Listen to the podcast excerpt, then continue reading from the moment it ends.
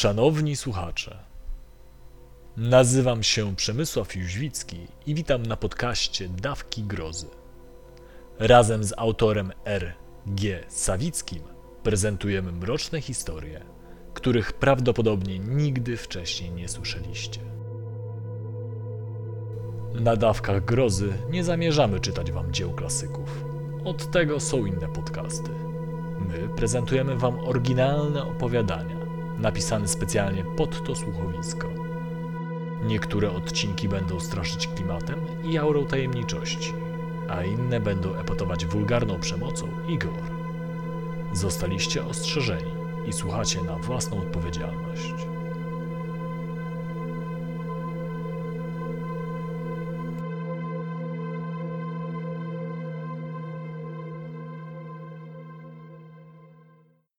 Miś z dużą głową. Jeśli myślicie, że bycie samotnym rodzicem jest trudne, to macie rację. Ale jest coś dużo bardziej trudnego. Tym czymś jest bycie samotnym rodzicem w świecie, w którym najgorsze koszmary stają się rzeczywistością.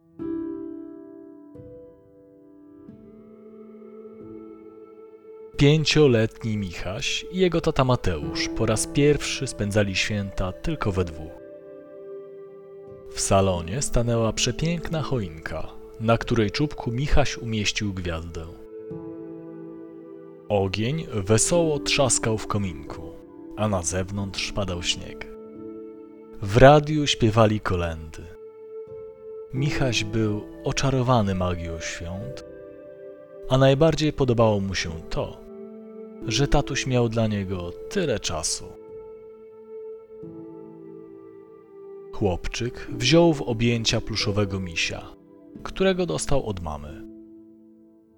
Kochany Mikołaju, powiedział w przestrzeń.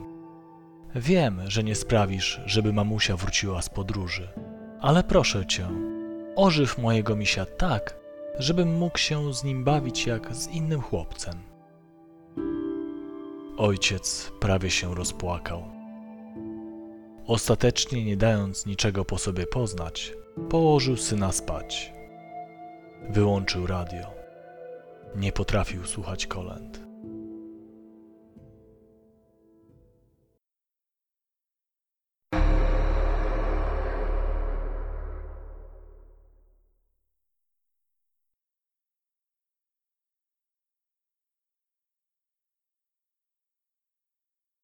Nocą ojciec usiadł na skrzypiącym fotelu przy choince. W dużym kubku miał sok jabłkowy. Teraz dolał do niego słuszną porcję żubrówki. Wiedział, że nie powinien, ale rzeczywistość na trzeźwo była zbyt nieznośna. W dzień jeszcze dało się jakoś wytrzymać. Zawsze znajdował coś do zrobienia.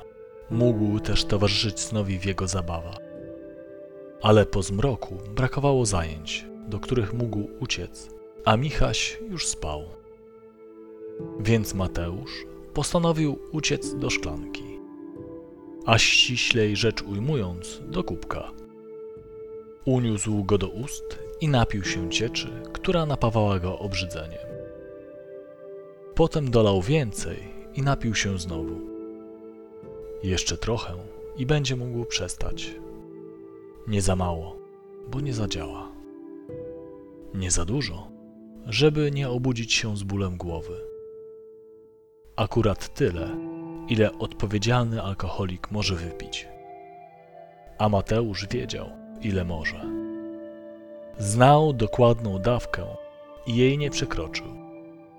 Choć pokusa była ogromna, miał motywację, żeby przestać. Miał cel Cel jego życia spał właśnie w pokoiku dziecięcym. Mateusz zrobiłby wszystko, żeby jego synek był szczęśliwy. Odstawił kubek na bok i rozparł się w fotelu. Mebel żałośnie jęknął, zupełnie jakby miał się zaraz rozlecieć. I rzeczywiście istniało takie ryzyko. Ten dom należał kiedyś do rodziców Mateusza. Wszystko było w nim stare i ciągle się psuło.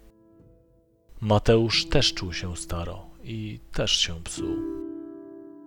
Rano, kiedy dekorowali tanią, sztuczną choinkę, podniósł syna wysoko, żeby ten mógł wetknąć gwiazdę na sam czubek. I teraz odczuwał to boleśnie w krzyżowym odcinku kręgosłupa. Ale było warto. Drzewko sprawiło młodemu tyle radości. Mimo, że z punktu widzenia Mateusza było tylko namiastką tego, jak powinna wyglądać choinka na święta Bożego Narodzenia. A kominek? Owszem, w domu znajdował się komin, ale rozpalenie w nim ognia wiązałoby się z ryzykiem zatrucia tlenkiem węgla. Był za to wygaszacz na ekranie komputera. I to również podobało się Michasiowi. Mateusz uśmiechnął się pod nosem. Młodego dało się łatwo zadowolić i ostatecznie pewnie zapamięta te święta jako wspaniałe. I to pomimo faktu, że spędza je bez matki. Młody uzna te święta za wspaniałe, bo żyje w nieświadomości, pomyślał ojciec. Zmarszczył brwi tak, jakby cały ciężar świata osiadł na jego czole. Poruszył głową w kierunku kuchni. Dobiegało z niej kapanie kranu. Naprawiał go już cztery razy w tym miesiącu. Trzeba będzie kupić nowy. Ale za co? Michaś tak się cieszył z obecności ojca, ale nie zdawał sobie sprawy, że była ona spowodowana utratą pracy. Mateusz westchnął.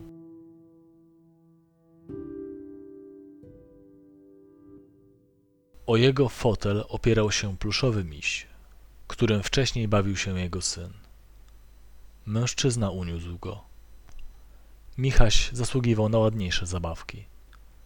Pluszak miał ogromną głowę, długi tułów oraz krótkie rączki i nóżki. Jego buzia przypominała pyszczek kota. Miał wielkie, odstające uszy i szklane oczy, wyglądające jak prawdziwe. Jedno odpadało i trzymało się tylko na długiej nitce. Mateusz już kiedyś je przyszył, ale jak widać nieumiejętnie. Mężczyzna przymknął oczy i wsłuchał się w przeciągłe wycie wiatru. Przy silniejszych podmuchach mroźne powietrze wdzierało się przez nieszczelne okno, wydając gwiżdżący odgłos. Oprócz tego o szyby dudniło marznącym deszczem. Jego ciężkie krople musiały właśnie dziurawić bałwana, którego wczoraj zbudowali syn i ojciec. Mateusz westchnął i otworzył oczy. Przed sobą nadal miał szkaradną maskotkę. Odłożył ją na podłogę i kątem oka spojrzał na w połowie pełną butelkę wódki. Nie potrzebował jej, ponieważ w jego żyłach wciąż krążył alkohol. Humor mu się nie poprawił, ale przynajmniej procesy myślowe, jeszcze niedawno ostre, przeszły mgłą, otępiały. Nie raniły już tak mocno. Jakoś to będzie, pomyślał. A po chwili przyszło mu do głowy, że tym, czego potrzebował, był Bóg. Nigdy tego nie robił, ale teraz padł na kolana i w ciemnym pokoju, gdzie jedyne źródło światła stanowiła skąpo przystrojona choinka, zaczął się modlić. Boże, proszę Cię tylko jedno, wypowiedział na głos. Spraw, żeby mój synek otrzymał od życia to, czego zapragnie.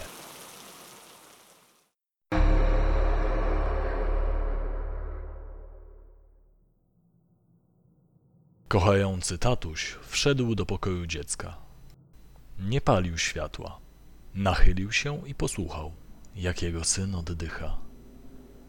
Pocałował go w czoło i naciągnął kołderkę wyżej, żeby śpiącemu nie było za zimno. Potem po cichu wycofał się do pokoju i ponownie zasiadł w fotelu pod choinką. Deszcz już nie padał, więc skrzypienie starego mebla wydawało się jeszcze głośniejsze. Rozdarło głuchą noc niemal jak ludzki jem. Mateusz zamknął oczy i zmęczony natychmiast zasnął.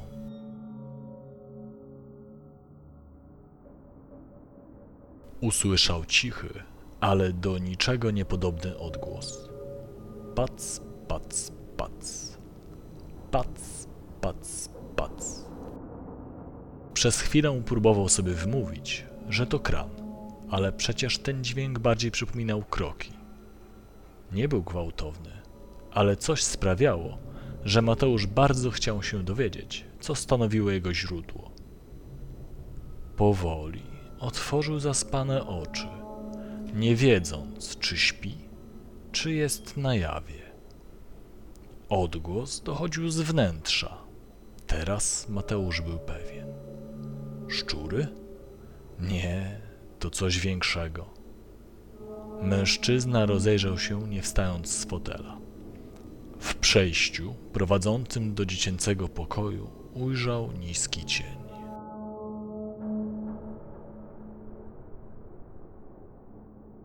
Michaś?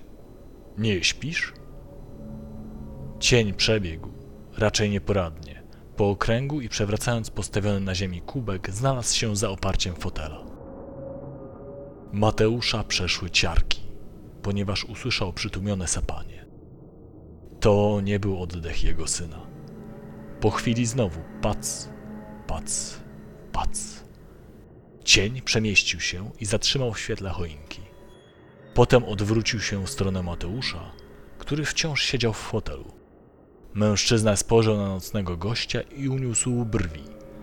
Przez chwilę strach przetoczył się przez jego ciało, ale potem zniknął, bo Mateusz uświadomił sobie, że śni. Uśmiechnął się pod nosem. Już uspokojony obserwował niewysoką sylwetkę, która wyglądała groteskowo w różnobarwnym blasku światełek choinkowych.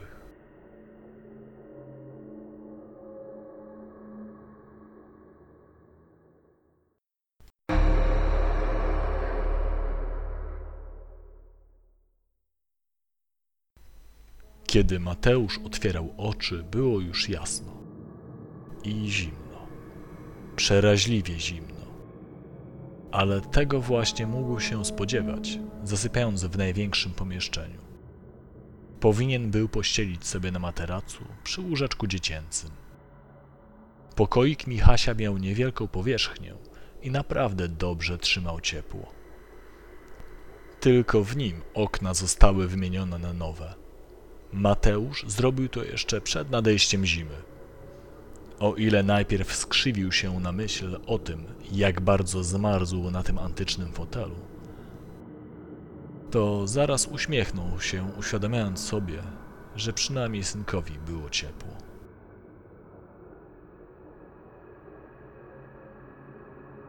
Mężczyzna rozprostował kości, podniósł z podłogi przewrócony kubek i zaniósł go do kuchni. Postawił naczynie pod kranem, z którego miarowo kapała woda. Za oknem ujrzał resztki bałwana. Nocny deszcz zdemolował figurę. Została z niej tylko górka śniegu pośrodku błota i trawy.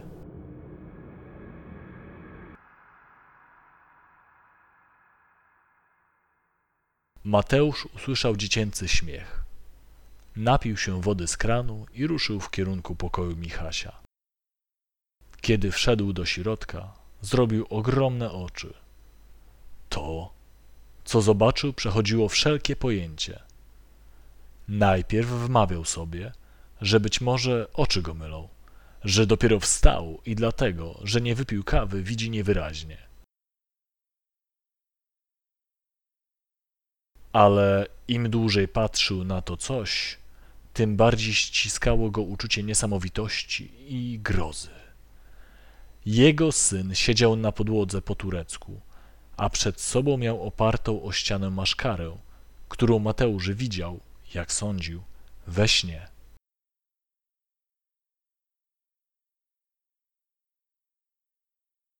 Owa rzecz nie poruszała się. Tym, co niepokoiło, był jej wygląd. Miś z dużą głową i odstającymi uszami nie był już pluszową zabawką.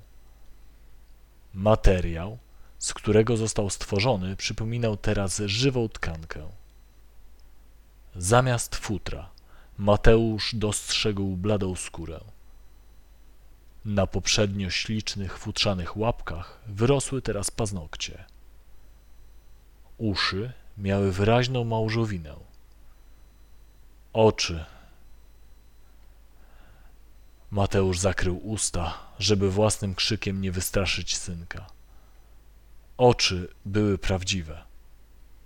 Jedno wypadało z oczodołu i zwisało na długim, krwawym przewodzie, który przypominał splot nerwów.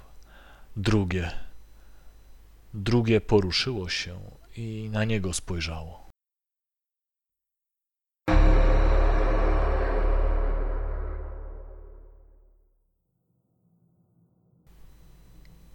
Tato, tak mi zimno, mówił Michaś, ale Mateusz nie miał zamiaru wracać do domu. Jeszcze nie teraz. Ścisnął syna jeszcze mocniej, żeby ogrzać go swoim ciałem. Potem słuchał uwag Michasia na temat losu bałwana, którego wczoraj ulepili, a który już się rozpuścił, a także opowieści o jego ukochanym misiu.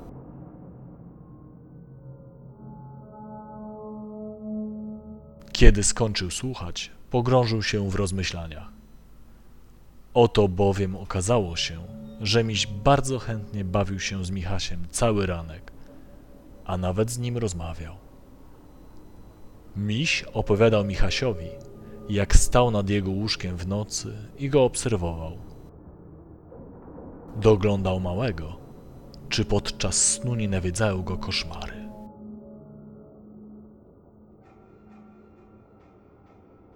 Na tę myśl Mateuszowi zrobiło się słabo, ale słuchał dalej. Jego synek nazywał misia przyjacielem, towarzyszem zabaw i prosił ojca, żeby ten pozwolił misiowi zostać z nimi. Dodał też, że miś jest chory i nie wolno go wyganiać na zimno. Mateusz nawet się nie zająknął na temat pozbycia się tej istoty. Wyglądało na to, że Michaś wyczuwał obawy ojca i być może jego zamiary.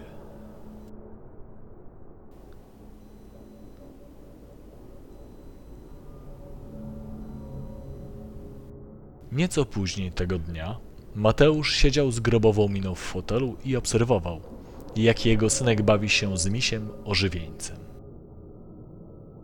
Ta istota napawała go odrazą i przerażeniem. Coś takiego nie miało prawa w ogóle istnieć, a co dopiero siedzieć z nimi w domu i bawić się z dzieckiem. Ale widok rozradowanego Michasia sprawiał, że ojciec ani myślał pozbywać się maszkarona. Tym bardziej, że to coś rzeczywiście nie przejawiało żadnych agresywnych skłonności. Oczywiście o zatrzymaniu tej istoty na dłużej nie było mowy, ale teraz, w Boże Narodzenie, Mateusz uznał, że po prostu poczeka i popatrzy.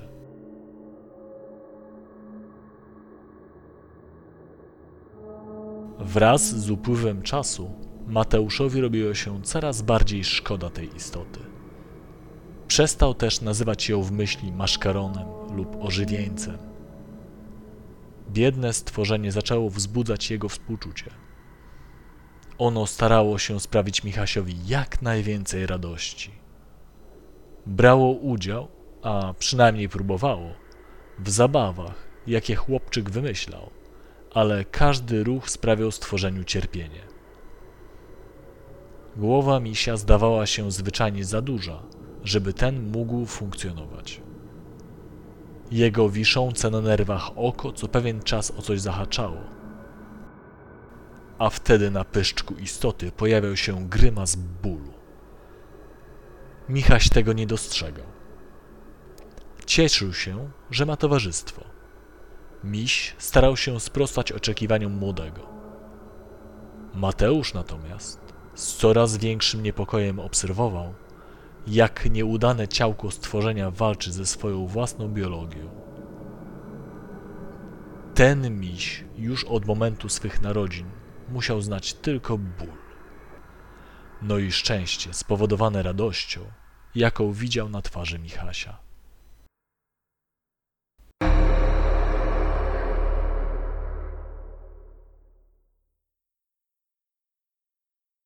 To był dzień pełen wrażeń. Kiedy nadeszła noc, Mateusz położył syna spać, a dla misia przygotował posłanie z poduszki w pokoju, obok swojego fotela. Kiedy sam zasypiał, nawet nie myślał, że tej nocy stanie się coś strasznego.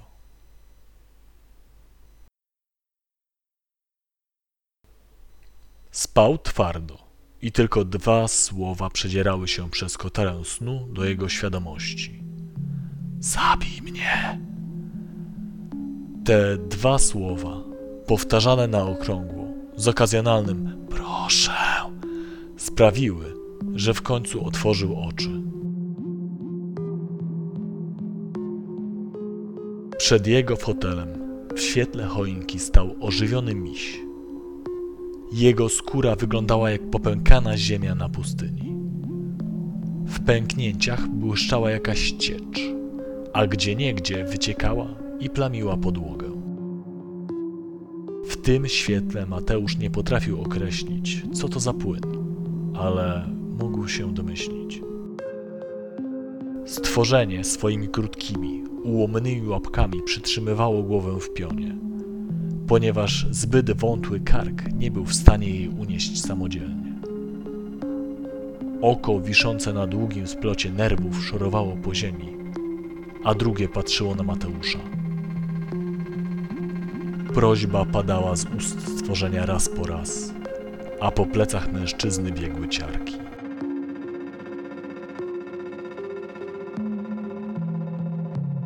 Przełknął ślina.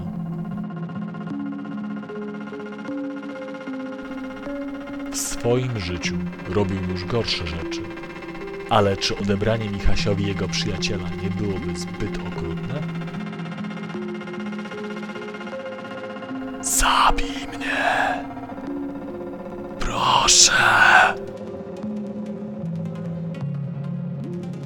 Znowu to samo. Istota trzęsła się z cierpienia.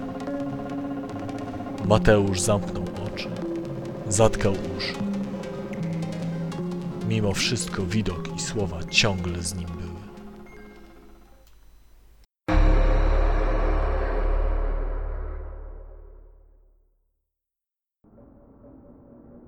Rano Michaś wstał wcześnie, żeby pobawić się z misiem. Nigdzie go nie znalazł. Za to o ojcowski fotel opierał się mop. Chłopiec zrobił duże oczy i otworzył usta. Przecież w święto nie należało sprzątać. I to były słowa ojca.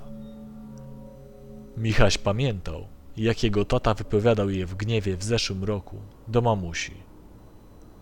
Tym samym przypomniał sobie, że mamy nie ma i zrobiło mu się smutno.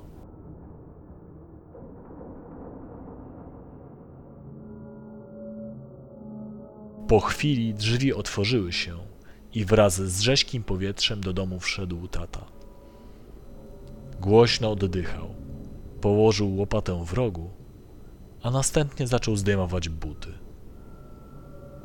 Michaś od razu spytał ojca, gdzie podział się przyjaciel miś, towarzysz zabaw. Udał się w daleką podróż, odpowiedział ojciec, pocierając dłońmi, żeby się ogrzać. W taką samą, w jaką pojechała mama? Dokładnie tak. Zakończył Mateusz i z trudem ukrył łzy.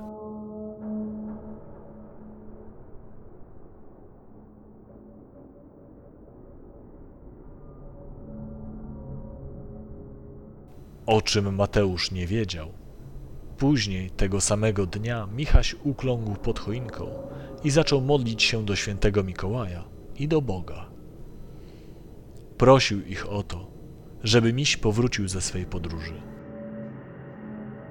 Chłopczyk martwił się, że miś zmarznie, ponieważ skoro był chory, powinien siedzieć w cieple. Potem wciąż na kolanach, ze łzami w oczach błagał o to, żeby również mamusia wróciła ze swojej podróży.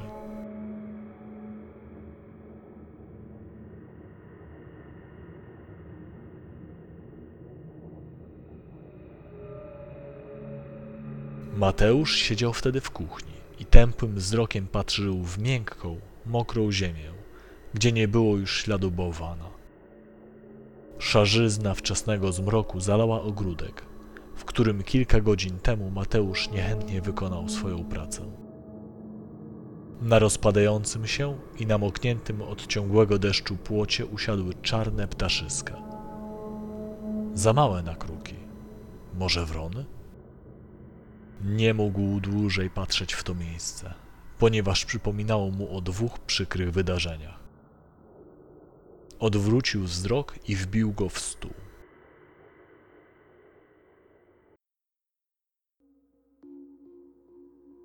Zrobił to na chwilę, zanim na zewnątrz zaczęło dziać się coś niecodziennego. Ziemia w miejscu, w którym Mateusz zakopał nieszczęsnego stworka, zaczęła się poruszać. Ożywieniec nie był jednak w stanie wygramolić się z płytkiego grobu. Przywrócony do życia wbrew swojej woli, zdezorientowany i wystraszony, dusił się i dławił mokrą glebą. Ale już pięć metrów obok, w głębi ogródka, cienka warstwa ziemi nie była w stanie powstrzymać innego ożywieńca. Rozstąpiła się, najpierw przed jedną, a potem drugą szponiastą ręką. Po chwili czyjaś zagarbiona sylwetka, cała czarna, przeraźliwie chuda, z długimi włosami, wstała z miejsca, w którym położono ją bez jej zgody i wiedzy. Całe szczęście, że postać znajdowała się na zewnątrz, ponieważ wydzielała niemożliwy do opisania odór, a całe jej ciało toczyły robaki. Jednak spokój domowników nie trwał wiecznie. Postać, nawet bez oczu, pamiętała drogę do drzwi wejściowych. Z cichym, bluźnierczym jękiem przeszła po zewnętrznej stronie domu, zostawiając na oknie pokoju dziecięcego czarne mazy i dotarła do wejścia.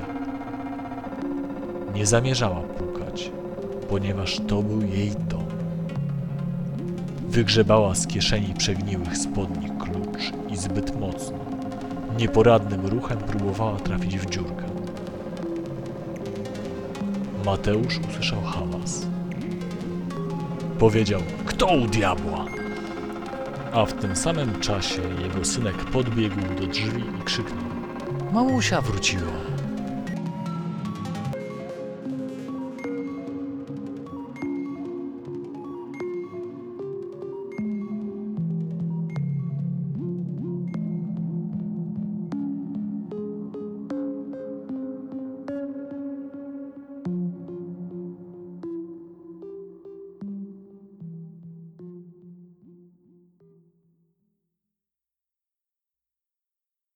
Jeśli myślicie, że bycie samotnym rodzicem jest trudne, to macie rację. Ale jest coś dużo bardziej trudnego. Tym czymś jest bycie samotnym rodzicem na własne życzenie. Tym czymś jest konieczność stawienia czoła konsekwencjom. Cóż, w tym przypadku przynajmniej sprawiedliwości stało się zadość poniekąd.